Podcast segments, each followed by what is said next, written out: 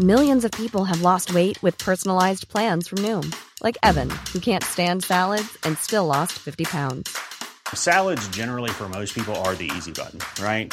For me, that wasn't an option. I never really was a salad guy. That's just not who I am. But Noom worked for me. Get your personalized plan today at Noom.com. Real Noom user compensated to provide their story. In four weeks, the typical Noom user can expect to lose one to two pounds per week. Individual results may vary. Flexibility is great. That's why there's yoga. Flexibility for your insurance coverage is great too. That's why there's United Healthcare Insurance Plans. Underwritten by Golden Rule Insurance Company, United Healthcare Insurance Plans offer flexible, budget friendly coverage for medical, vision, dental, and more. One of these plans may be right for you if you're, say, between jobs, coming off your parents' plan, turning a side hustle into a full hustle, or even missed open enrollment. Want more flexibility? Find out more about United Healthcare Insurance Plans at uh1.com. Life is made up of many gorgeous moments. Cherish them all, big and small, with Blue Nile. Whether it's for yourself or a loved one, Blue Nile's unrivaled selection of expertly crafted fine jewelry and statement pieces help make all your moments sparkle. Blue Nile's experts are on hand to guide you, and their diamond guarantee ensures you get the highest quality at the best price. Celebrate a life well lived in the most radiant way and save up to 30% at BlueNile.com. That's BlueNile.com.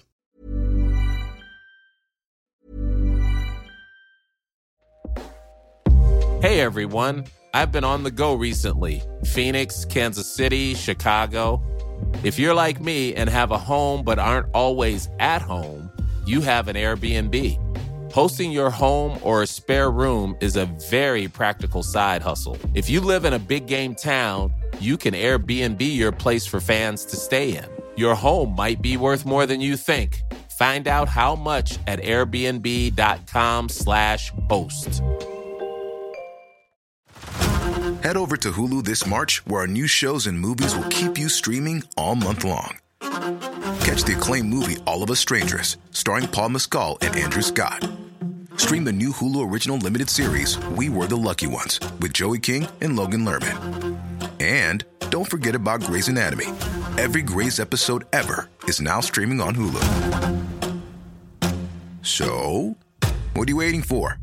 Go stream something new on Hulu.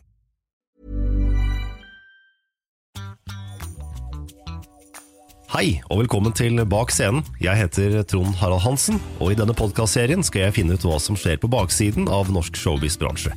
Enten det er produsenter, skuespillere eller artister.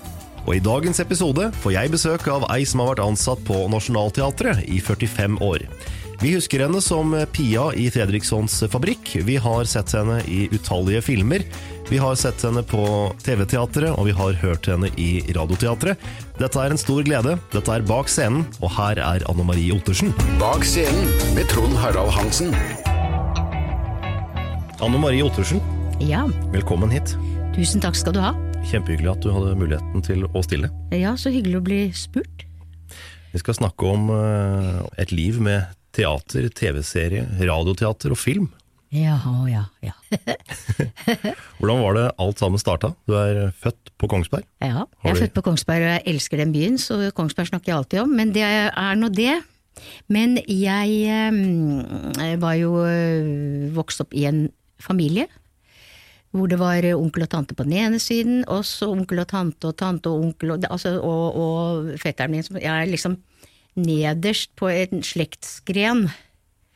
Den generasjonen er jeg den yngste. Så jeg hadde fettere, mest fettere, men én kusine, alle er sånn, var mye, mye, mye eldre enn meg, da. Og, eh, og så hadde jeg to som var nær meg i alder.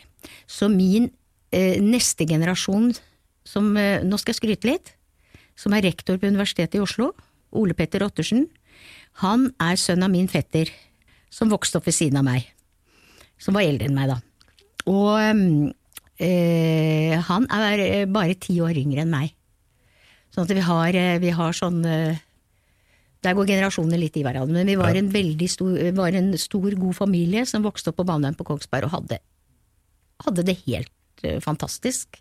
Alle barn skulle hatt en sånn barndom, sier jeg. Og så eh, var pappaen min lokomotivfører, og mamma var hjemmeværende. sånn var det, trygt og godt. Og tante og onkel, som hun sagt, og alle var rundt der. eh, så øh, likte jeg godt å synge, jeg likte godt å opptre, og jeg var, var nok et litt sånt utadvendt barn. Til irritasjon for noen, kanskje, særlig min eh, litt eldre bror, tror jeg. Men eh, jeg kledde meg ut som prest og gikk rundt og velsignet nabolaget, fortalte tanta mi meg. Gjorde mye rart, da. og eh, så var det på skolen sånn er det noen som kan eh, synge en sang? Ja, jeg opp med handa med en gang. Sånn at jeg hadde nok det, det å opptre, det syns jeg var eh, spennende.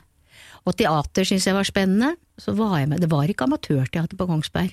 Men jeg spilte jo liksom i disse barne... Altså på annen klasse på folkeskolen og, og sånt, og der var jeg jo eh, prinsesse Willik og fikk ros for det. Og i det hele tatt sånn, og, og så ble det mer og mer Så var jeg med i Kongsberg Pike, i kor, og jeg, masse sånt. Og så mer og mer så vokste det fram da en, en drøm om å bli skuespiller. Men det var liksom veldig fjernt, det var ikke så realistisk, men det, det var en drøm. Og så um, begynte jeg på um, realskolen, og begynte å bli stor, og det begynte kanskje å bli en realitet. Og så kom det der om jeg skulle søke teaterskolen. Og det turte jeg egentlig, så det bare fortrengte jeg. Jeg turte ikke tenke på det engang.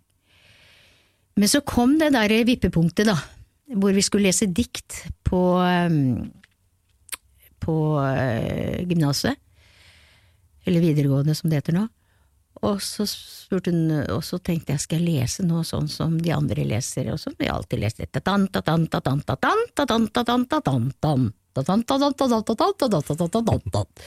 Eller skal jeg lese det sånn som jeg virkelig vil lese det, for det var et dikt som jeg syntes var fantastisk flott, og det heter Vann av Nordahl Grieg. Og så tok jeg sjansen på å lese det sånn som jeg følte det, da. Kasta meg ut i det. Og da ble det helt stille i klassen. Det er langt. og helt stille etterpå. Og etterpå så sa norsklæreren min, Anne Marie, du har et fantastisk organ.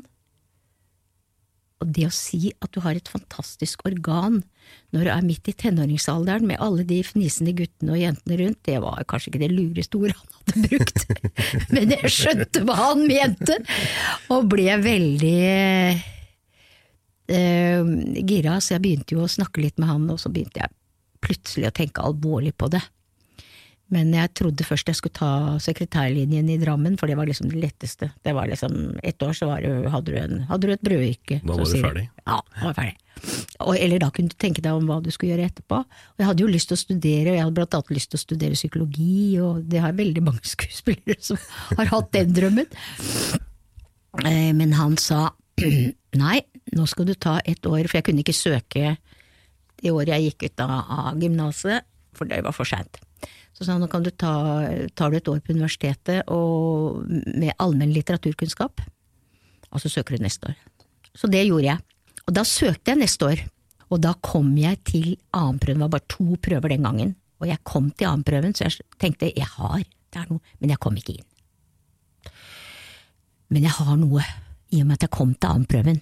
Men jeg var grusomt lei meg og skuffet, og nå vet jeg jo at folk kommer jo ikke inn, altså du søker jo fem og seks ganger og fire og tre og ja, Noen få kommer inn første gangen, da. Men, noen er vel helt oppe i ti òg. Ja, det kan hende. Men i hvert fall så bestemte jeg meg for å arbeide for å komme inn neste år, så jeg jobbet som lærerinne et år på Kongsberg, og så søkte jeg igjen, og så kom jeg inn. Og resten er historie. Nei da, men det var helt fantastisk. Eh, jeg kan jo fortelle. Nå kan jo jeg bare fortelle, så kan jo du bare redigere. Vær så god. Ja. Fortell. Og det er eh, Jeg bodde da på hybel, jeg gikk opp på universitetet, da. Så jeg bodde på hybel oppe hos uh, tanten min. Egen hybel med egen inngang. Uh, I Bogstadveien. og så uh, bodde hun i annen, og jeg bodde i fjerde. Så kom hun opp, og så sa hun uh, Anne Marie, det er telefon til deg fra teaterskolen. Og da hadde jeg kjæresten min der, Per Arne. Og så sa jeg til han at det, er, det, er, det er ikke, kan ikke være noe, det er ikke noe Jeg var jo helt skjelven. Og gikk ned. Det var, var, jo bare fasttelefon, vi hadde jo ja, ja. ikke mobiltelefon. Og jeg hadde jo ikke telefon. Ikke fasttelefon heller. Og så sa jeg, så tok jeg røret, og så sa hun Sett deg på en stol Og ikke skrik, sa det i den andre enden. Det var sekretær Vera Halle. Og så sa, jeg, sa hun 'du er kommet inn', og så skrek jeg. så jeg antar at hun, hver gang hun sa det, så bare gjorde hun sånn, tok hun røret fra seg. Og, så, og du skal møte til pressekonferanse da og da og da og da, og jeg var jo helt pressekonferanse, for jeg hadde vært i, jeg hadde vært i avisen en gang før, og det var eh, da jeg ble forlovet, forlovet med Per Arne. Og det var det eneste forlovelse inngått mellom det, og det var i lokalavisen Lågendalsposten, det har aldri vært i avisen. Så for meg var jo dette helt Ja, det var så stort at Så jeg eh, gikk opp til kjæresten da, og så sa jeg at eh, Nei, det var Skal jeg liksom late som jeg Ikke sant? Ja. Og så klarte jeg ikke det. Jeg, jeg klarer aldri det. Jeg er ikke noen practical joker, altså. Ikke noe steinansikt heller. Så da var det vill jubel. Og så dro vi i Det er også en litt morsom historie. Skulle vi feire, da. Penger hadde vi jo ikke, han gikk på Kunsthåndverksskolen. Vi hadde ikke penger, så Men jeg hadde postsparebankbok. Og da fikk jeg Og da sto det ikke noe. Så fikk jeg mora mi til å oversende 50 kroner. Og det gikk på dagen, og da gikk vi eh, og spiste Jeg tror vi spiste på Theatercaféen, til og med. For 50 kroner to stykker. Og så kjøpte vi en flaske vin og satte oss i, i eh, Slottsparken og var Og jeg var også da liksom kunstner. Han hadde vært kunstner noen år, så jeg var liksom også kunstner da. Ja. Nei, det var stort. Høres ut som en herlig, eh, Ja, det var- som en herlig tid, da. Ja, det var, var en herlig tid, altså. Og det var jo 60-åra, og det, det var eh, en herlig tid å være ung i. Fordi det var eh, Alt var jo Det var den første ungdommen etter krigen, ikke sant. Så alt var lagt opp til at vi skulle bare løftes frem. Vi ble, jo, ble jo det, men vi ble også selvstendige og begynte å protestere på det som hadde vært, da, vet du. Så da kom 70-åra, og Den røde sida. den røde sida kom fram. Så da var, skulle det forandres. Vel, vel, vel, jeg begynte på teaterskolen da, og det var tøft. Fordi jeg hadde jo ingen erfaring. Jeg gikk i klasse med folk som bodde i Oslo, og hadde hadde hjemmene sine der, og venner og alt mulig. Jeg hadde bodd på hybel, og jeg var jo vant til å leve i en sånn veldig trygg eh, virkelighet. Så jeg, det, var, det var tøft for meg, på en måte, altså. Og, og kjæresten og jeg, vi bestemte oss for å bryte opp litt, for vi hadde vært sammen siden vi var 16. Så um, Nei, det var eh, tøft, men skolen varte jo eh, seks dager i uka fra morgen til kveld, og det var stadig krav, og mange av disse folkene hadde jo Husk på, jeg gikk i klasse med Anne Marit Jacobsen, Tone Danielsen, eh, Svein Hungnes, som ble teatersjef, eh, Thomas Fasting, Klaus Hagerup, dikteren. Og, så det var ikke noe sånn eh, tulleklasse heller, Nei, og var sterke, flotte personligheter. Eh, og Anne Marie fra Kongsberg, da. Men eh, vi måtte jo bare Jeg gikk jo gjennom det. Altså, det var tøft. Mhm. Kjempetøft. Så var det jo litt avstand til Kongsberg òg, da. Ja, ja. Altså, jeg dro jo hjem, jeg kunne jo dra hjem, men vi hadde jo bare fri søndager. Og, jeg, og ikke hadde jeg penger. Jeg husker en, bare én episode som litt karakteriserer det. Det var at jeg satt oppe i hybelen min, så hadde jeg, tror jeg hadde to kroner eller noe sånt. Og da gikk jeg ned til en eh, kafé på hjørnet, og der kjøpte jeg en kopp sjokolade med uh, softis. Kosta 1,50, tror jeg. og det var liksom dagens lille oppmuntring. Ja, ja. Men eh, altså, Det tøft, det skal vi alle ha det, og det, sånn er det bare. Så det får vi bare ta, og det vokser vi på. Man blir jo sterkere av det. Ja, bli, hvis du ikke blir knekt, så blir du sterkere av det. Du blir sterkere av det. Det er helt klart. fordi at det, hver gang jeg kommer opp gjennom åra, har kommet i sånne kriser, så har jeg liksom på en måte jeg, jeg har vært igjennom det før. Og da er jeg bare bretter jeg opp, og så tenker jeg nå skal vi bare kjempe oss gjennom dette her. Så kom jeg inn, eh, så fikk vi, så var det siste året, vi hadde jo praksisår, og i praksisåret mitt var jeg på Oslo Nye Teater, og det var eh, kjempegøy. Og da, da vi kom tilbake til eh, teatret, så var det Nei, bak til skolen. Ja, så var det mange som var lei av å være på skolen, for mange hadde fått smaken på teaterlivet og var i grunn klare for å Men jeg var veldig takknemlig for å komme tilbake på skolen, fordi at jeg da for første gang hadde møtt profesjonelt teater og skjønte hva jeg måtte jobbe med. Så det siste året for meg var veldig, veldig viktig. Og så var det sånn, etter jul så begynte disse, fikk vi tilbud da, den gangen. Så begynte tilbudene eventuelt å strømme inn. Og jeg husker på julefesten, gikk jeg opp i postkassa på teaterskolen, på det oppholdsrommet vårt, og der lå det et brev. Åh, og det var fra Oslo Nye Teater, og det var et tilbud da om å komme ned til konferanse. Det var Toralf som var sjef da. Så tenkte jeg det var i hvert fall Og så spilte Anne Marit og jeg mens vi ventet på Godot av Beckett. Det får ikke jenter lov til å spille, noe av etterkommerne. Men nei, bare herrer. Og det er bare tull, for det handler om mennesket. Så vi spilte det, og det var et fantastisk stykke, ble satt opp av Jan Bull, og det var helt Jeg elsket det, jeg elsker det ennå. Vanskelig og veldig morsomt. Så spilte vi det som sånn ja, siste forestilling, da. Guttene spilte Hushjelpene, så vi blanda, liksom. Og da i pausen da, så kom Arild Brinkmann inn og sa til meg at eh, kan du komme ned på Nationaltheatret? Nasjonalteatret? Nasjonalteatret! Jeg sto utenfor der, husker jeg, og tenkte én gang, én gang i livet mitt, så skal jeg spille her, altså. Men um, så dro jeg ned på Nasjonal, da, og så ble jeg tilbudt jobb, altså. Og da sa jeg til Oslo Nye at um, jeg har fått fra Nasjonalen. Så det var liksom Da måtte man nesten velge det, på en måte, selv om jeg var veldig glad i Oslo Nye også. Og så, eh, ja, så begynte jeg der. Anne-Marit og Klaus og jeg gikk ned dit og skrev under kontrakt. Og siden ble jeg der. I 45 år. 45 år. Mm. Hvordan er eh, det teatret fra innsida? Er det hardt arbeid hver dag? Ja, det er veldig hardt arbeid. eh, hvis du har store roller, og hvis du har ja, uansett. Fordi det er Konkurransen i vårt yrke er enorm, også innad i teatret. Og du må på en måte Altså, du, du må på en måte bevise din berettigelse hele tiden. Og det du gjør, gjør en gang, det kan føre til Særlig i gamle dager var det veldig sånn. Så vi hadde jo Arild Brinkmann som sjef og sånn, og jeg fikk, hadde fem replikker i det første stykket jeg var med på, men det var på hovedscenen. Vet du, jeg jobba. Jeg jobba og jobba med, jeg, jeg heter Knut Husebø som gikk i klassen over meg. Vi satt og jobba og jobba fem replikkene. Du vil ikke tro hvor mye vi hadde, det var klart. Og angsten. Jeg sier at eh, ekshibisjonismen i vårt yrke er ekshibisjonismen større enn angsten, og det er eneste grunn til at vi holder på. For redd er du absolutt hele tida. Det er et liv i angst. Men i hvert fall så viste det seg at det ga uttelling, det altså. For de fem replikkene, da, da sa Arild du er en av Og da, da hadde Toralf sagt til meg du har ikke fått mat for den scenen, vi hadde jo ikke noen mikrofoner og sånn den gangen, og jeg, jeg var jo litt noe lys da, og hadde lys stemme og alt det der. Men eh, da sa han at du er en av de få unge som har fått mat for hovedscenen, så det viste seg at det arbeidet var gull verdt, altså, på de fem replikkene. Så da fikk jeg større oppgaver, eh, nesten umiddelbart. Da var det bare å hive, brette opp armene og jobbe og hive seg på og stå på, altså. Og så er det Det er jo ikke noe sånn i Norge.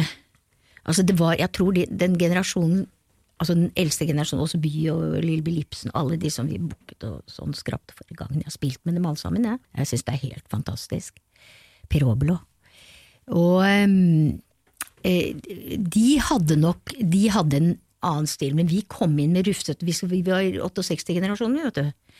Vi skulle ikke være Det skulle være arbeid, det var arbeid, dette her. Og vi skulle lage radikale stykker. Vi lagde jo da Pendlerne og eh, eh, eh, Jenteloven, som jeg var med på, da, blant annet. Og eh, vi skulle ikke jåle. Og det har på en måte, tror jeg, veldig mye fulgt oss oppover, så det, er ikke noe, det var ikke noe sånn eh, det er ikke noe sånn Nesa i sky. Nei. Må ikke ha nesa i sky og må være nedpå og være sånn. Og det, da, innimellom så var jeg så glad for Fordi at noen blir jo tatt av at de har suksess også, ikke sant? At de flyker litt av gårde på det. Men da var jeg så glad at jeg var fra Kongsberg, for jeg følte hele tiden at jeg hadde liksom jord, beina på jorda, altså. I forhold til eh, hvor jeg, hvem jeg var, rett og slett. For det var et helt nytt miljø, og liksom et fascinerende å treffe alle disse her store navnene som jeg bare hadde lest om og hørt på Radioteatret og sett, og jeg spilte med dem, jeg kjente med dem, men det er jo folk. Det er jo det. Det, det er folk, og det er det helt sikkert eh, hvis man kom til de store i Hollywood og store det er folk.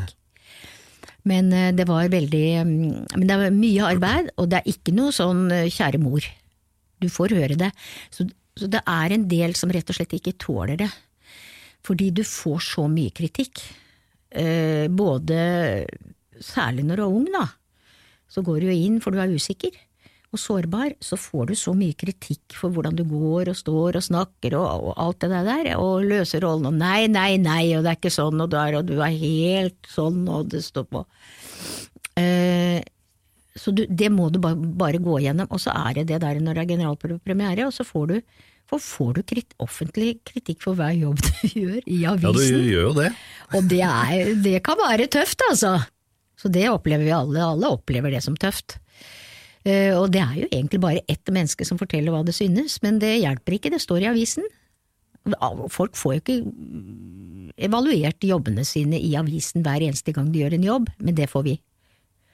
Så det var uh, Men alt det må du tåle, og så må du synes at det er verdt det. Så der er det. Mm. Mm.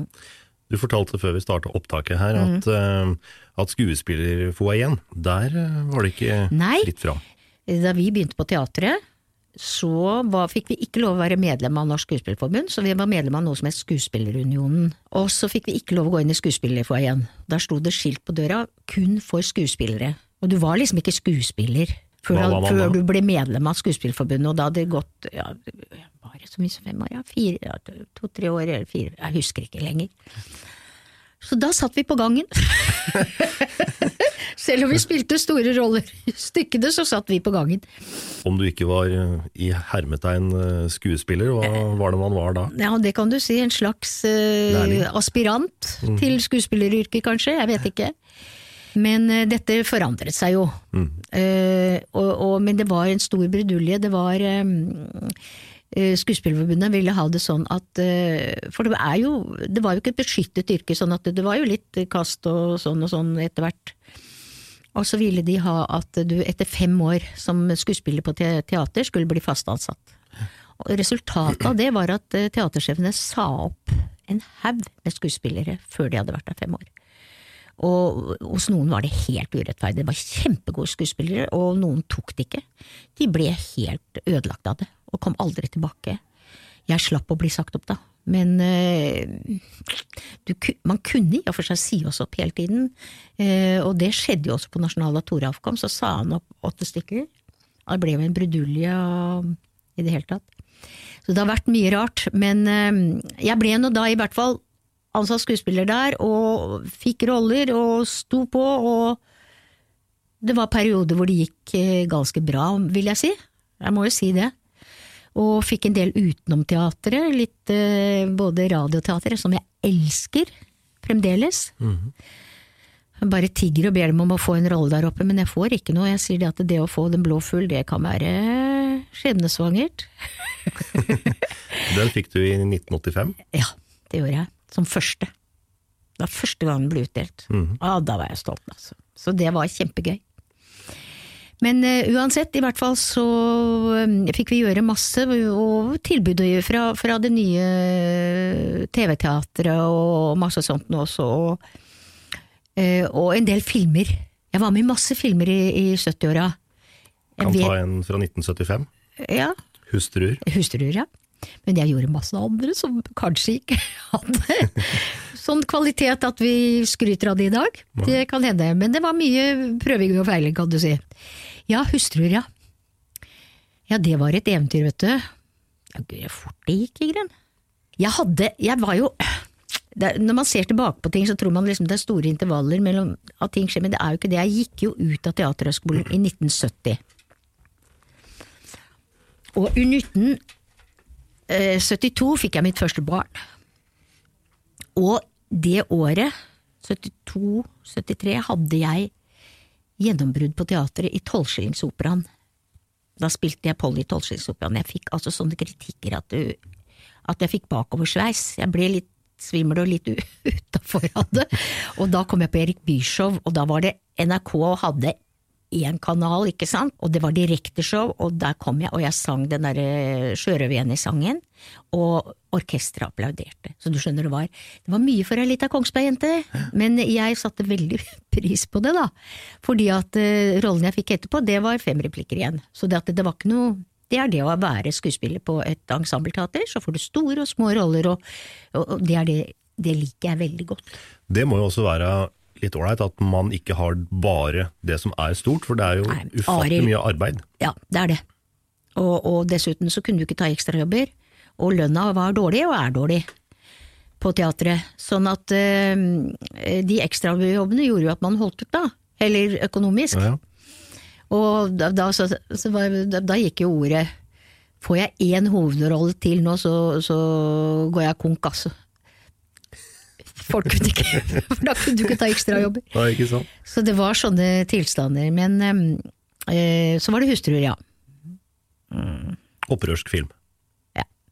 Det var, det var kom ut av den derre jenteloven, den der revolusjonære greia. Og mm, eh, da var det Anja som satte opp jenteloven. Og så bestemte Anja vi må lage en film, og vi må ha tre sånne tre kvinner i samme, omtrent samme aldersgruppe. Så var det Katja Frøyde som meg, som hadde vært med i det der. Og det var jo storartet, men vi var veldig upretensiøse på det. Det skulle bli en uh, lavkostfilm, og det skulle lages fort. Men vi skrev alt sammen sjøl. Vi satte oss ned og vi tenkte vi skulle improvisere mye og sånt, og det går ikke på film, for det er jo lys og det er mye sånt noe, så vi måtte jo skrive ned hver scene, innholdet i hver scene, men vi visste hva det Og vi hadde det fryktelig gøy da vi satt og drodla stoffet fram. Og eh, lagde våre egne figurer ut fra hvem vi vi Brukte det at hvem kunne du ha blitt hvis du ikke var blitt skuespiller, liksom. Og jeg gjorde meg selv til en sånn husmortype, da. Og blant annet. Og så spilte vi det inn, så ble Katja gravid. og vi tenkte å herregud, men så hun var i åttende måned da vi spilte inn den filmen. Men det gikk, det òg. Ja. Eh, hun ble jo tatt vare på da og lå på sånn eh, greie mellom opptakene, for som du har hørt sikkert, så er det mye venting på film og mye rigging og mye greier. Så um, hadde den filmen premiere. Så ble det altså en som, som, jeg, som jeg sier alltid, du aner aldri hva som blir suksess, og hva som ikke blir det. Og du kan tro at ting blir suksess, og det blir det ikke, og du har ingen anelse, og så blir det det. Det blir altså en sånn ja, altså en sånn uventet suksess av dimensjoner vi ikke kunne forestille oss. Det var stappa fullt, vi ble invitert til filmfestivaler i hele verden. Blant annet ble jeg øh, Hvor var det hen, da? Ja, det var i hvert fall en jeg ikke kunne dra på, som jeg hadde kjempe... Ingen av de andre kunne heller. Og da holdt jeg på å spille Frøken Tante Sofie i Folk og røvere i Kardemommeby. og du kunne ikke bare dra fra teatret, skjønner du. Nei, man kan jo ikke det. Nei, man kan ikke det. Så da, da måtte jeg bli hjemme. Jeg lurer på om det var i Teheran, eller hvor faen det var hen. Og det, den som dro, var Ellen Horn. Og hun hadde jo ikke noe med den filmen å gjøre, hun hadde ikke vært med engang. Men hun var norsk kvinnelig skuespiller, så hun fikk sjansen til å dra med. Det tror jeg hun satte pris på. Ja, det jeg tro. Ja, så sånn var det med det. Og så bestemte vi oss for å lage en til, for å ta hustrubiten. Så lagde vi en til, ti år etter. Nei, jeg syns ikke den var så fin, sier de da. Men, eh, og så lagde vi enda en. Jeg vet ikke om det var 95-96, tenker jeg. ja, den siste. Og nå holder vi faktisk på og prøver å få til en til. Altså. Da gjør du det? Ja, vi gjør det, altså. Det blir, blir jo noe helt annet. Men eh, det er, blir noe med en sånn tidsreise som vi har veldig lyst til å få til. Da. Så vi får se om det blir noe. Men jeg kan godt si det, for det er offentlig. Så vi søker støtte. Jeg vet Anja holder på som bare det. Men nå er jo Katja dessverre død, så, så vi må lage det rundt henne. Men hun var jo med i alle de tre første, så vi har jo mye stoff. Vi skal skifte litt eh, tema. Jeg tenkte vi skulle høre litt uh, lyd. Oi.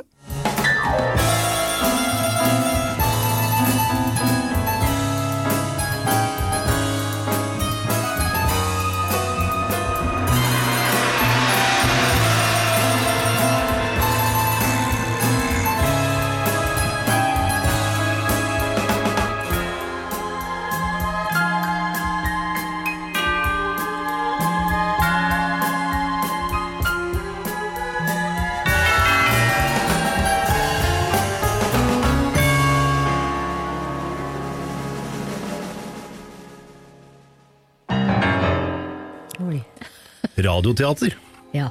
det er ikke småtteri. Nei, det er utrolig morsomt, og det er også en ting jeg kunne tenke meg å gjøre mye mer av.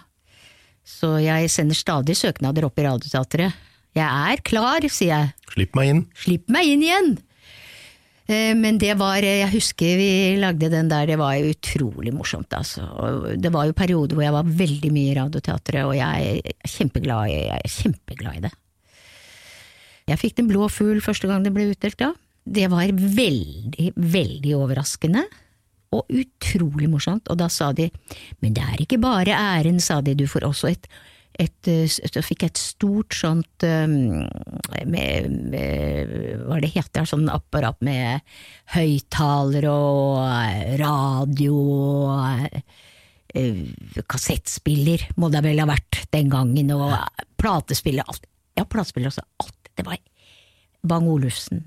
Det var fantastisk anlegg som jeg fikk i tillegg. Så jeg var jo liksom bare helt sånn stjerneøyne.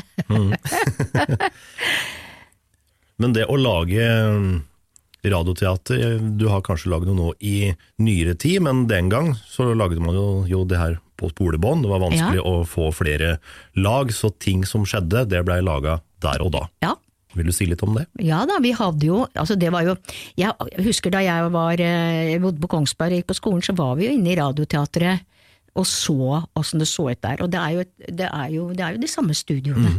Jeg var der for en måned siden. Ja, det er helt Det er fantastisk. Jeg elsker de studioene. Kjempeflott. Altså. Og det er jo laget sånn, de har sånn akustisk rom da, så det er laget sånn at uh, lyden skal, de skal drepe den lyden de ikke vil ha.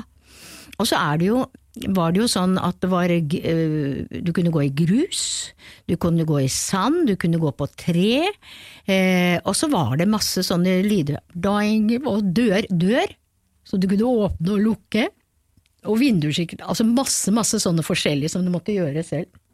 Og jeg, det der med å for eksempel hvis du bader her i vann og sånn, så kunne du bare ha en vannbøtte. Gjøre sånn, og, og, og hvis du skulle kysse noen eller klemme, så gjorde du det på din egen hånd, og det er, det er jo kjempegøy. Er jo, altså, du blir jo som barn igjen når du er i Radioteatret sånn sett, men det kan også være veldig krevende, fordi du skal jo uttrykke alt bare via stemmen. Og, og du står jo også med manus, du lærer jo ikke utenat i Radioteatret, der står du med manus.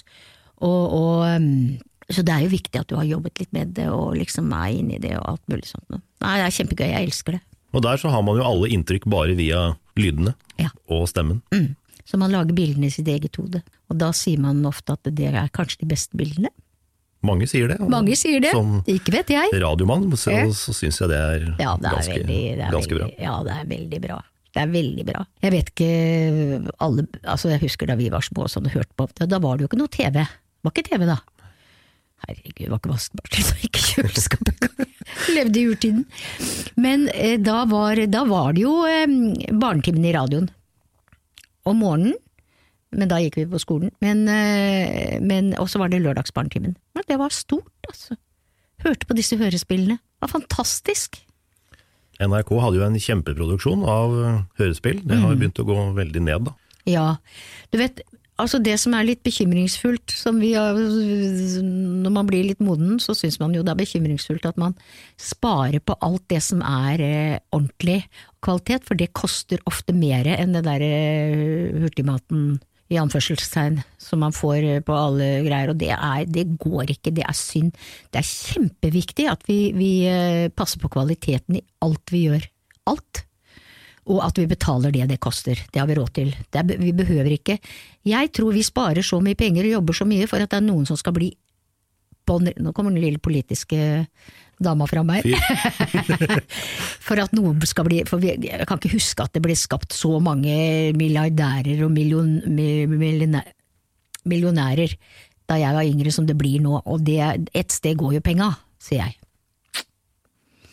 Så, og folk tjener mindre og må jobbe mer, og vi sparer på alt. Spare, spare, spare, spare. spare. Åh, Nei, vi skal ikke spare på kvalitet. Der skal vi betale det det koster. Ja. Du har gjort en del film også. Ja. Drømmeslottet i 89 er du med en annen Vam og Vennerød-film, som er eh, Den så jeg igjen for noen uker siden. Jeg, jeg syns den er hysterisk. Drømmeslottet, ja, men det er den derre Bryllupsfesten. Ja! ja, men den, det, var, det var kjempegøy også. Guri, alt har vært gøy. Det har vært mye jobb, da, men det var, det var virkelig moro, altså. Men det er en ellevill film, rett og slett. Ja. Vil du si litt om den? Ja, ja det var jo Jeg hadde jo vært kjæreste med, Petter, jeg. Mens vi holdt på med Hustruer 1, tror jeg. Var han med bak kamera, og da var vi litt kjærester. Men, eh, så jeg kjente han jo godt, og Sven kjente jeg også. Og, så det var jo veldig hyggelig å bli spurt om å få være med, da.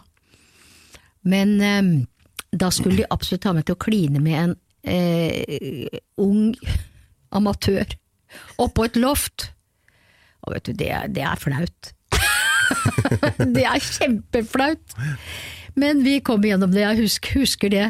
Det var jo, og så skulle jeg slåss med Frøydis og ha noe løsår som hun skulle rive løs, og nei, vi hadde det så gøy. Og så var det var min, eh, som jeg var veldig nær venn med på teaterskolen, Svein Hognes, som gikk i klassen min. Eh, Vi skulle være ektepar da. og det var også helt utrolig gøy. Nei, det var bare Det var et eventyr å være med på den filmen, altså. Jeg hadde, hadde jo besøk av Anders Hatlo her, og han Ja. sa det at uh, når dere satt og spiste hummermiddag, Ja. så uh, var det Det er jo én scene, men den spredde seg jo over flere dager, så, Ja, dere, så dere satt jo der med hummer som var opptil fire-fem dager Ja, det, det er helt gammel. grusomt. Altså, altså, I hustrufilmen Hustruer 2 så skulle vi ha julemiddag. Vi spilte inn den om vinteren, for den andre var om sommeren. Og vi var, altså vi ble bare så, Det var jo før jul, dette her, så vi var jo så frista. Vi var jo helt sånn Og så sa de 'ikke spis'! Ikke spis! Dere blir, kommer til å bli så kvalme etter hvert. Ikke spis utenom på opptak. Vi klarte jo ikke å la være, vet du. Og til slutt så hadde vi julemat opp dit, og det var også sånn over flere dager. Nei, det er ikke bare moro, altså. Men sånn er det. Sånn er det. Mhm. Film, Ja. det er um... Kontinuitet. Kontinuitet, heter det. Ja. Pia, ja. hva slags forhold har du til hun? Nei, vet du. Jeg vet ikke hvordan jeg skal gradere alt dette gøye jeg har vært med på, ja, men eh, Fredriksson Fabrikk er vel noe av det absolutt toppeste. For jeg, for det første er jeg kjempeglad i sitcom. Uh, kunne egentlig drevet med det. Sitcom og radioteater, det hadde vært toppen for meg å drive med resten av livet. Jeg syns sitcom er så gøy, for da får du både Da har du alltid publikum i, i, i salen. Folk sier ja, det er lattermaskinene. Det er ikke lattermaskiner, det er levende publikum i salen. Det er det som er gøy. Og pluss at det er um, og, og kameraer. Så du får liksom begge deler.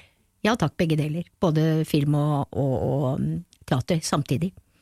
Men det, det derre Fredriksson Fabrikk, det visste vi heller ikke hva skulle bli, men jeg var kjempetakknemlig for å bli spurt. Eh, For Bosse Hermansson hadde jo laget da Marve Fleksnes, jeg hadde vært med i et par sånne Fleksnes. Ja, stemmer det. Du var Ja, med Jeg var med i heisen, og så en der hver tar sin, eller et Ja, for du var sånn. potensiell kjæreste, du. Kjæreste. For, eh, Potensiell kjæreste. Det er ikke Sannos som er eh, ost og i nesse. Det er veldig 60-åra. Det er Ikke Sannos som er ost og i nesse. Men, eh, så jeg hadde vært med på noen av de, og så Ja, han hadde jo lagd så mye. Skraphandelen, masse sånne forskjellige. Og dermed så var det jo veldig ære å bli spurt, da. Og det var bare topp fra dag én. Det var jo Aud, Elsa, eh, Britt Elisabeth eh, og Geir Kvarme. Og så alle gjestene som kom innom, som også var kjente. Er- Miljøet er jo ikke så stort, egentlig. Nei, det er jo ikke det. Nei. Så du kjenner jo, altså nå er det jo kanskje blitt større, og det er mange jeg ikke vet hvem er nå, men da var det sånn, og vi hadde det jo utrolig morsomt, og det er også sånn, og Bosse, når Bosse instruerte oss, Bosse er en sånn høy, slank svenske med rolig stemme, og han sier bare inte spela, for han visste at hvis, ikke spill altså, han visste at hvis han satte i gang alle de derre komiker, så vil det bli overspill. Så han bare sa inte spela, og det var mer enn nok. Det vi gjorde da, når vi inte spela det, det var mer enn nok. Men han hadde det der, den sjangeren har han, har han helt grepet på. Så det var eh, helt Ja, og så skulle du gå, og da var det også en kanal, så skulle du gå lørdagskvelder. Du skjønner, hvis du, du hører at jeg kan snakke Det er bare å putte på en 50-åring, så snakker jeg. Det er kjempefint. Ja da, men du får bare ja. Men uansett, i hvert fall så mm, eh, skulle du gå på lørdagskveldene. Og lørdagsunderholdningen i Norge på den tiden med én TV-kanal, det det var ikke spøk, altså. Det var alvor. Og det var enten vinn eller forsvinn. Så vi var nervøse. Den første episoden skulle gå. Og jeg lurer på om vi fikk litt sånn eh, Det kan godt hende vi fikk litt delt kritikk, det husker jeg ikke lenger. VG skrev at uh, hvis det skulle bli noe orden på den fabrikken, så måtte tempo på både syersker og symaskiner opp, mener jeg at de, de, de skrev. Ja da, de vet så godt. De veit jo veldig godt hva som er, godt hva som er feil og riktig, disse kritikerne. Men uansett så um, så ble det altså tatt imot av folk, så det var helt Det er jo det jeg blir kjent igjen på nå. Mm. Til og med unge folk. Fredriksson fabrikk, jeg husker Fredriksson fabrikk, sier de. Ja. Mm. Um, for de så på det som barn sammen med foreldrene sine. Og vi hadde altså noen seertall etter hvert som de aldri har hatt, tror jeg. Jeg vet ikke om de har hatt det før. Vi hadde over to millioner. Ja, To og en halv million, faktisk det høyeste. Det er jo helt, det er helt sinnssykt tall. Og vi hadde Jeg husker at det var eh, Drillo var jo eh, sånn fotballtrener for landslaget den gangen, og de skulle ha kamp i Nederland, en av de avgjørende kampene for å komme videre, enten det EM eller VM eller hva det var for noe, sikkert VM, husker ikke. Og da sa jeg denne gangen når vi ikke ratingtoppen, men det gjorde vi gitt, vi slo dem. Så og da var det ikke å ta opp og passe på, da var det å se der og da, liksom. Så det var ja, to og en halv mil. Det er helt utrolig. Men um, det var enestående. Men så, så spilte vi jo en del uh, ganger, og så plutselig så fikk vi beskjed nei, vi lager ikke flere. Og da husker jeg Ralf Wesenhus sa hvis du hadde sagt det i Amerika, at, de, at, at det programmet som lå høyest på ratingen på TV, det skal vi legge vi ned, så hadde dere ikke trodd det, sa han. Det var helt høl i huet. Og det var eh, noen, jeg vet eh, sånn omtrent, noen krefter inne i NRK som eh, hadde huset sitt et helt feil sted. Noe de angret, og prøvde å få oss sammen igjen, men da var det for sent. Da var alle, alle Vi hadde jo Magnus Herenstam, og han var jo holdt på med masse andre ting, og kunne sikkert ikke, og ja, i det hele tatt. Alle var spredd? Alle var spredd. Men produksjonen av det her eh, har jeg også skjønt, den var på en måte litt sånn, eh, litt, på en måte litt sånn stemoderlig, for dere, dere, dere, var på forskjellige steder, hadde, oh, ja. hadde studier på forskjellige steder. Absolutt. Eh, Elsa og Aud sto i dokø sammen med publikum. Det var liksom Ja, det tror jeg. Det tror jeg var på det åpne teater, kanskje. Jeg husker ikke. Ja, det, det Altså, det er ikke noe glamour bak scenen, må du tro. Altså er, folk tror kanskje at det er noe sånn glamour over dette her, men det er ikke det. det er, av og til er det noen du går på en rød løper eller et eller annet sånt noe, men det er ikke noe Det er den ene gangen i, i året, altså. ja, men, altså jeg syns ikke det er så stas jeg, men altså noen syns jo det er stas og sånn, men, men det er ikke det. Vi er Norge, og det liker jeg veldig godt. Mm. I den serien så forma dere også figurene deres sjøl. Ja. Hvordan kom dere fram til at uh, Pia skulle være den opprørske, Elsa skulle være den som satt der med sylskarp tunge? Altså, det var eh, Markussen Andreas Markussen, eller noe sånt tror jeg heter han som skrev det. Han var, uh, hadde skrevet manus da. På bakgrunn av eh, en serie som hadde gått i England. Mm. Det er det samme som sto bak Marve Fleksnes og dette her. Så de bearbeidet det for norske forhold. Så det var jo, der var det jo mer pekepinn enn eksempel i Hustruer, hvor vi lagde det helt fra bunnen av. Men, eh, så her var det jo eh, pekepinn og sånt noe. Eh, men jeg husker Elsa var vel den som i og for seg virkelig lagde sin egen figur, for den var så tynn. Og hun utarbeidet, hun har jo sånn fantasi, og er jo så morsom, så hun utarbeidet hele den figuren, Oddveig-figuren selv. Med Geir Ove og hun svigerdattera som jobba, og han sønnen som gikk hjemme, og alt, altså alt det der, der. Vet du hva? I en av de seriene så er det et barn. Ja, stemmer det. Det barnet traff jeg for et par uker siden, i en eller annen sammenheng. Oh, ja. Og det var en jente, og vi lot som det var en gutt, tror jeg. Og da sa det er jeg som var den jenta som lå Og jeg tenkte jeg er helt sånn er verden. Det er helt utrolig. Den er liten, altså. Ja. voksen jente. Så fortalte jeg var den lille babyen. Mm. Stilig. Ja. Nei, det, er, det, var, det var kun glede, og jeg husker eh, Jeg fikk jo permisjon da for å være med i dette her, og det var en gang vi skulle ha leseprøve oppe på Holmenkollen Park hotell. Fint skulle det være. Der satt vi på et konferanserom med utsikt over hele Oslo og hadde det deilig, og så måtte jeg ned på teatret og hente noe etterpå. Der gikk de inn i de mørke gangene på teatret og holdt på med noe sånn tysk, tungt stykke. Så tenkte jeg, å herregud, hvor heldig jeg er med langprøver, det er altså hele dagen. Og da skulle de kanskje spille om kvelden også, det er beinhardt. Eh, og så tenkte jeg, oi, stakkars, stakkars dem, og heldige, heldige meg. Vi satt der oppe og lo og koste, og så hadde det bare skjønt. Og da hadde vi jo gjort det noen ganger, vi visste det var en suksess, og ja, i det hele tatt. Det var på plussida. Det er mye enklere å gjennomføre da. Ja, det er det, vet du. Det er jo det som er eh, Det er jo toppen. Men hadde det vært i Amerika, så hadde vi tjent masse penger også. Det, det gjør man ikke i Norge. Nei. Det blei tre sesonger over tre år, og Ja. så kom det en film i 94 Ja. som satte et punktum for Ja. Det var vel Bosses idé at vi skulle lage en film og sånn. Og jeg syns jo den filmen er veldig Den har jo gått veldig mye i julen og sånt nå, jeg syns jo den er veldig morsom, men det er Det var jo litt sånn øh, Altså, de kunne jo ikke Når de skulle lage film, så kunne de jo ikke lage bare at vi satt ved det, det Altså, i sitcom kan du være stedets senhet, men det kan du jo ikke på film. Så da hadde de laget en historie utenom, da, som, øh, som øh, Noen likte, og noen ikke likte. Sånn Mario.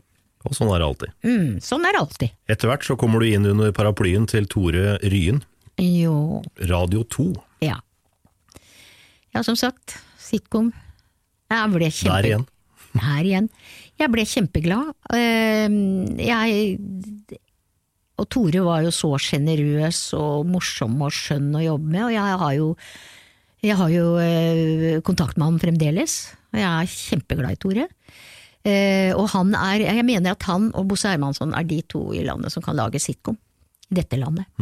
For det er en hel, det, er, det ser kanskje lett ut, men det er det ikke. Det er en helt egen sjanger, og du må balansere eh, sånn at Altså, det må være ekte. Samtidig som det har selvfølgelig den lille overdrivelsen i seg, men det må ikke være Du må ikke gjøre deg til, da. Nei. Inntil spela. Mm. Så det var, eh, det var en gave, men da Da eh, eh, holdt Tore på å skrive både en episode for Mot i brøstet og en episode for Radio 2 i uka, altså to episoder i uka. Og da fikk han så høyt blodtrykk at han fikk bare streng beskjed om å legge vekk den ene jobben. Og det ble da oss, da. For Mot i brøstet var jo skikkelig etablert. Ja, for dette var i 95-96. Mhm. Eh, Blei Radio 2 sendt ferdig? Spilte dere inn en, en hel sesong, og den blei sendt eh, ferdig, eller hvordan endte den eh, visa? Vi spilte mange episoder, altså. Vet du, Det husker jeg ikke. Jeg husker at vi bare ble kalt opp og fikk beskjed om at det, han var sjuk. Det gikk ikke. Og at vi var veldig lei oss. Tor Stokke var jo med, og han var jo også så vidunderlig på sånne ting. Han var helt rå på sånne ting. Altså. Ja. Men han var jo med en del i Holms også, så, Ja. Tor. Så um, vi fikk det jo litt igjen der, da. Ja, dere tok igjen, eh, eller tok opp igjen eh, tråden med Tore da, Ja, begynnelsen av ja, ja. 2000-tallet. Ja. Holms blir eh, den nye serien som overtar etter, etter Carl og co. Mm. Litt lagd etter amerikansk standard, med store kulisser, pent møblert. Hjem, stort, stort og fint. Da var du legefrue Da var jeg legefrue. og kunstner, husker jeg. Ja. Så ja, Det er, det er noen som tror at det er tatt litt etter, etter levende modeller. du kan, Men der spilte du også mot ektemannen din. ja, det gjorde jeg. Og det, det syns jeg er eh, jeg har spilt, vi, vi har spilt ved huset Fred og Virginia Woolf i Bergen, vi, så vi eh, har jo spilt litt sammen. Og jeg elsker å spille med Lasse. Jeg syns han er eh, suveren å spille med. Vet ikke om han er like begeistret. Han eh, så- ja, ja, Jeg syns det er morsomt, i hvert fall. Veldig morsomt å spille med han. Så det var eh, også veldig gøy. Vi hadde det veldig moro da, altså. Men det er jo, det har jo sine sider av alt eh, altså Nå forteller jeg alltid, hele tiden hvor morsomt alt er, og det er jo morsomt når du ser tilbake på det og ser ting du har fått til, eller ting som har vært og sånt noe. Men eh, det er jo mye arbeid bak, det er mye slit, det er mye angst i dette yrket. Og jeg pleier å si at eh, hvis du skal bli skuespiller, så må ekshibisjonismen være større enn angsten. Fordi det er, eh, det er Du er mye redd. Og det er liksom å brøyte ny, brøyte ny mark hver gang du går på en rolle. Du vet jo ikke om du får, får det til, eller om det Ja, hvordan det blir, eller Altså, du må bare liksom kaste deg uti det. Og jeg vet jo fra Nationaltheatret at det presset hele tiden med å få prestere, da. Prestasjonspresset. Eh, kanskje skuffelser fordi du ikke får den rollen du ville hatt, eller du syns ikke du får det til, eller altså det er, det er liksom baksida av det. Men det er klart at nå snakker vi veldig mye om de ferdige resultatene, og da, da blir det mye glede i det. Ikke sant? Jo. Men, eh, men sånn er det. Hvordan var starten på Holmstad fra dere blei spurt til Og jeg syns det var så alt var ferdig, Ja, nei, jeg, jeg syns det var kjempegøy, og jeg skulle bare ønske at eh, vi hadde kunnet fortsette og fortsette og fortsette, men, men eh, jeg tror eh, at det ble jeg vet at Tore prøvde å få inn folk til å skrive for seg og sånt, men det, det ble på en måte ikke i den verdenen vi var, tror jeg. Jeg tror ikke det fungerte ordentlig. Og dermed så ble det antagelig litt for mye, og det ble litt eh, han var jo både produ- produsent og instruktør, og, og han spilte litt etter hvert også, og alt mulig, og Ja, det, vi stoppet. Og det, det var veldig synd. Skulle gjerne fortsatt. Jeg syns eh, det første halve året var veldig, veldig, veldig bra. Fra man starter, når man står der med manuset ja, det er det du mener, til ja. ja. Når, Hvordan er, er det det foregår? Hvordan var en typisk arbeidsuke? Jo, det skal jeg si deg. Du kommer på jobben, så får du et Det er akkurat som eh, for eksempel i Hallo i uken. Vi kom på, eh, kom på jobben, så fikk vi et ferskt manus. Kanskje ikke alle sidene engang. Så ferskt var det. ja. Ja. Og så har vi leseprøve, så begynner vi å legge det. Gå i kulissene og legger det, og sånn og sånn og sånn og sånn. Uh, og så utarbeider vi det, og finner ut hva vi vil gjøre, hvordan sånn og sånn og sånn. sånn. Og i løpet av den tiden så kommer kamera inn. Eh, De lager kameraganger, altså vi må og lyd og sånn, så de vet hvor de skal forholde seg. Og så Det er jo bare en ukes tid vi holder på med dette. Eh, og så må vi pugge tekst som gale hjemme, ikke sant? Så vi kan det så godt vi kan. Og så mm, Og det er, må være rela- Det må være presist, altså.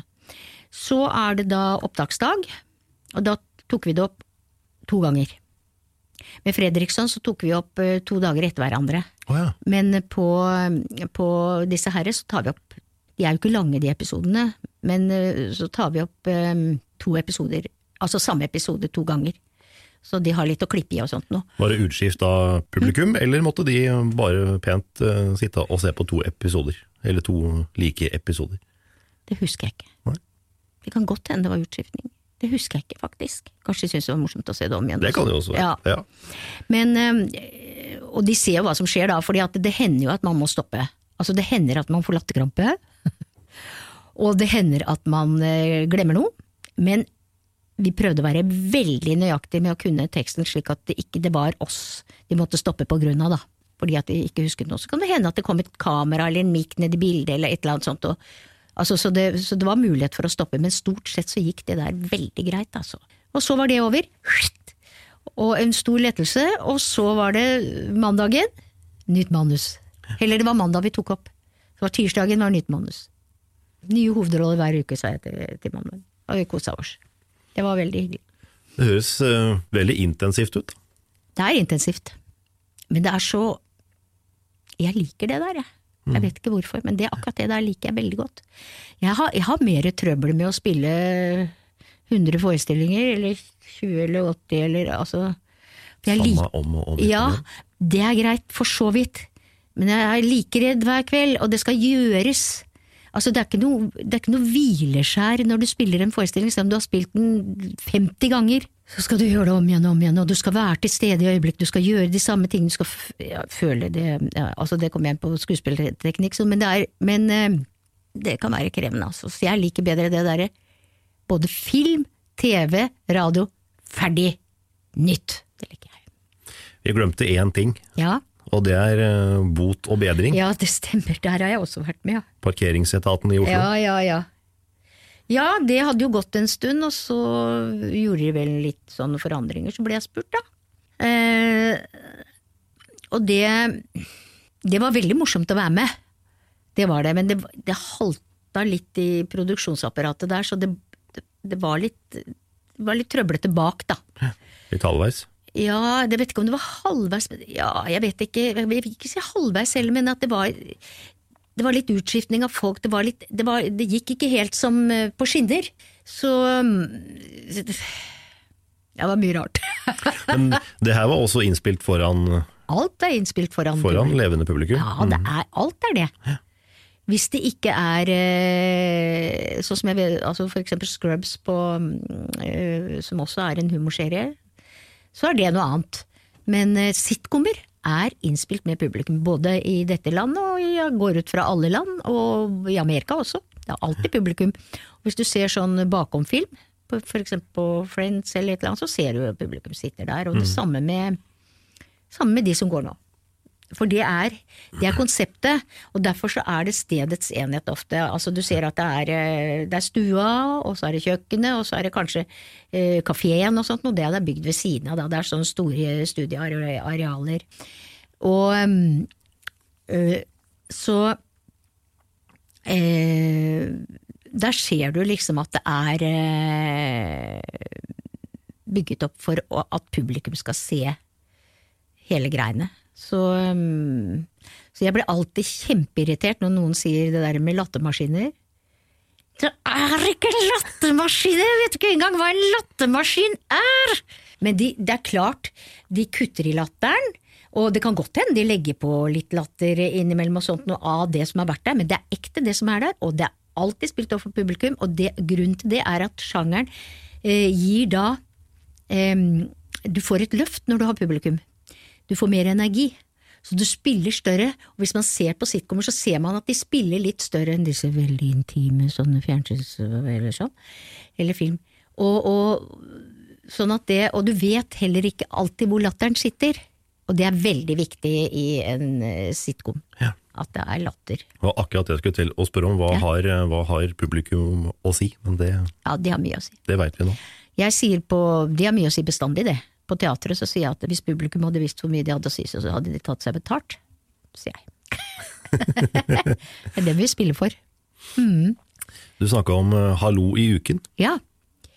Eh, det er også en av de tingene du føler deg privilegert som du har fått vært med på. Det var Else Michelet, og, og da var jo eh, Are Kalve og Espen Beranek Holm medhjelperne til Else, og det ble veldig, veldig, veldig bra. Så det var også sånn, og der var også fikk mannen min meg med da etter hvert, og hun ringte alltid etter meg, og så prøvde jeg å selge inn Lasse litt, da.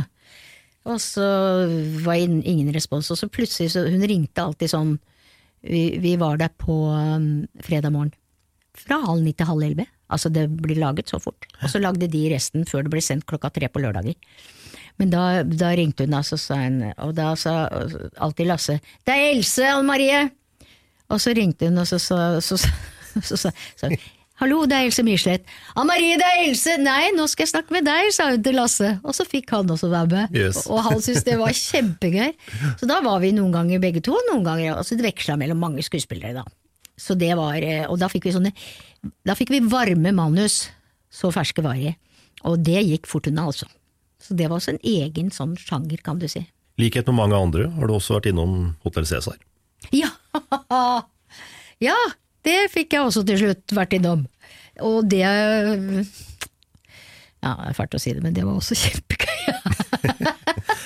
Ja, men det er vel ikke en fæl eller det er, Nei, er det er, jo bare, det er jo- det er jo bare Men det er jo noe med dette yrket Vekslingen mellom det ene og det andre, og det at du blir spurt og får utvikle deg og får liksom vært med og sånt. noe. når du syns det er gøy å spille, så er jo ikke noe som er morsommere enn det. Men eh, det i hvert fall så spilte jeg med he he Hilde Lyrån, Og, og vi hadde vi hadde, en, vi hadde spilt sammen på teater også, så vi hadde kjent hverandre fra før, og vi hadde, har en veldig god tone. Så jeg var den slemme mora, og det, det å spille slem, ja, hun er jo psykopatisk. Er ikke det litt godt, da? Det er så gøy. Du aner ikke hvor gøy det er. Så det er vel noe du ikke får tatt ut ellers, som du får tatt ut når du spiller de der rollene. Ja. Så vi lo altså noen ganger etter opptak, hvor hun var helt sånn ødelagt av den der kjempeslemme mora. Så det var kjempegøy. Mm. Etter eh, 45 år på Nationaltheatret, Ja, så var det slutt. så var det slutt. Ja, det var det. Hvordan føltes det? Det er vemodig. Samtidig så vil jeg ikke si at det var en eh, stor sorg. Det er vemodig, eh, på en måte. Men nå har vi det jo sånn, hatt det sånn opp gjennom året at har vært, jeg har vært ute, jeg har vært på nasjonale scener, jeg har vært på forskjellige teatre og hatt permisjoner, og spilt film og alt mulig, så jeg har ikke, jeg har ikke bodd der konstant. Men jeg har jo hatt min egen garderobe der og, og tilhørt eh, ensemblet der, og jeg lurte fælt på hvordan det skulle bli.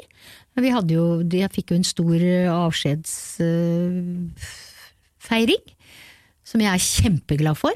Så eh, sto vi i applausen, det var fullt hus. 750 mennesker, tror jeg, over det.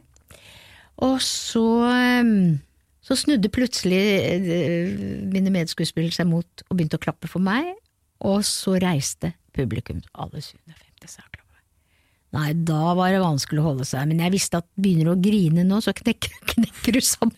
Så jeg kjente det kom noen sånne få, bare knep sammen, så jeg Men det, det er sånne ting som er veldig stort og fint. Og jeg vet jo, og, og jeg vet jo at øh, mannen min jobber jo fremdeles på Nationaltheatret, så jeg vet jo jeg kan gå ned når som helst, jeg kan sette meg i kantina, jeg kan gjøre hva som helst, og gå ned og prate med folk og sånn, det er ikke noe vanskelig. Så jeg Det er ikke kutt. Og um, nå var jeg med på Toravs 90-årsdag, sto jeg atter en gang på hovedscenen på Nasjonal, og på en måte så er det også en slags lettelse å, vite at, eh, at du er fri igjen da. You are on your own, så nå kan jeg gjøre det jeg vil, og jeg har jo fått jeg har jo holdt på hele tiden, så jeg har jo liksom ikke følt på den der lediggangen eller noe sånt. Så Nei. Det er ikke så lenge siden du holdt på med Gammel dame, vond og venne. Ja. Det var Britt Elisabeth og meg, og det var altså en høres ut som en reise i lykkeland, dette her, men det er jo ikke det heller. Det er jo mye vondt òg, men det var, det vil jeg bare si, det var en reise i lykkeland. Fordi vi spilte det på, mm, på Dizzie, og så gikk det såpass bra at de ville ha det ut på turné. Og vi var livredde, det var to år etter vi hadde spilt på Dizzie, vi var livredde, eh, som vi alltid er, og hadde den premieren, så ble det altså en suksess ut av ville Altså, det var ventelister. og det var stappa fulle hus, og vi spilte eh, i Ibsenhuset faktisk to ganger, for vi tok, tok en ekstraturné på våren da. Og det tar 850, og da satt det 55 i orkestergrava, ekstrastoler, og 20 i trappa. Oi. Og vi spilte på Kilden, der dette er 950, stappa fullt. Det var som om, jeg sa, det er som en rockekonsert. Det var rett før vi begynte å ha lighteren og sånt noe. Og det handler altså om Og det var, vi var fem mennesker. Altså det var Britt og meg på scenen, og så var det én lydmann, én lysmann og én scenemester. Det var det. Og den dekken var så råtten at den døra gikk opp hele tiden som skulle være lukket, så jeg bare gikk og dytta den døra. Og, og vi hadde noen plastikkparykker som eh, ble som vi bare tredde over huet. Og noen råtne kostymer som, som ble vaska hver 14. dag. Og eh, to senger. Og den døra. Altså, det var det. Hvor dere spilte da to To gamle damer, Gamle damer. på et sykehjem. fra hver sin del av byen. Fra en overklassedame som var meg, og en eh, fra østkanten da, som var Britt. Og Eller klisjeene, da. Det. Og så Og vi merket da, når vi kom inn, så begynte det Britt hadde en liten sånn greie, og hun er jo et oppkomma til å få publikum med seg. Så da var de på vei, men da vi hadde spilt den første scenen sammen, og det var applaus, da var det øh, blackout, da var det applaus og latter, da bare kløp vi på hverandre, for da hadde, vi, da hadde hun gått i scenen og lagt seg i samme senga som jeg lå i. Klippet på hverandre og sa mm, nå går jeg. Så det var eh, Nei, det var et eventyr, altså. Det vet du. Ja, det var virkelig et eventyr, altså. Så nå får vi se. Jeg tror kanskje vi kommer oss ut på turné igjen med kanskje et annet stykke. Vi får se. Jeg skal akkurat, akkurat til å spørre. Det var da, hva skjer nå? Ja, nå skjer eh, Ja. Jeg er med i en serie, det tror jeg også jeg kan si, med Linn Skåber, som ikke har gått ennå, som skal gå på TV 2. Jeg tok opp i fjor. Og der er eh, Der spiller jeg mora til Linn Skåber. Det var ikke noe gærent det heller, skjønner du. Det var ganske moro, det også. Nei, nå frister jeg kanskje veldig mange til å søke dette yrket, men altså, ja, nok om det. Det var i hvert fall veldig moro. Og så eh, skal vi eh, Ja, så spilte jeg i Det har jeg lyst til å nevne, for det er litt sånn hemmelig, eller blir litt hemmelig fordi jeg var på Viaplay. Jeg spilte inn en eh, julekalender i, eh, i Sverige. Oh, ja. Det var, det var om uh, sånne eksperimentet Det store eksperimentet, het den. Det store eksperimentet. Eh, og den var eh, Der var det en gæren professor og hjelperen, og jeg spilte den gærne professoren. Og det var én norsk gæren professor, én svensk og én dansk gæren professor. Det gikk på Viaplay. Og det var en tøff uh, greie, altså, for da spilte vi inn 24 episoder på fire dager. Oh, ja. Seks episoder om dagen, da var det tunga rett i munnen. Det gikk det òg, men det er ikke noe De sa alle sammen, og det gjaldt jo teknikken og alt, at, og vi hadde jo ikke tid til å prøve på scenen, vi måtte bare kjøre unna. Men da sa de at dette her er er ikke Vi bør ha litt bedre tid. ja. Men det gikk nå det òg, og det gikk eh, på enhver en hver dag på, på Viaplay da, i jula. Så det var gøy. Det var stilig.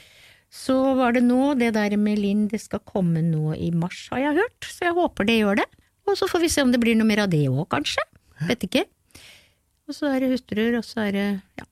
Jeg får, så har jeg fått litt sånn, får jo litt sånne tilbud om kanskje litt kortfilmer og sånne ting, men jeg, men jeg, men jeg kan ikke Jeg må liksom Nå må jeg holde tunga rett i munnen på det jeg skal gjøre, føler jeg. Så får jeg se hvor og hva det blir til.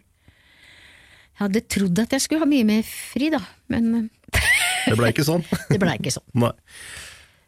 Helt til slutt, teateryrket, er det noe du kan anbefale andre? Nei, jeg gjør jo ikke det. Og vi har jo fem barn til sammen, Lasse og jeg.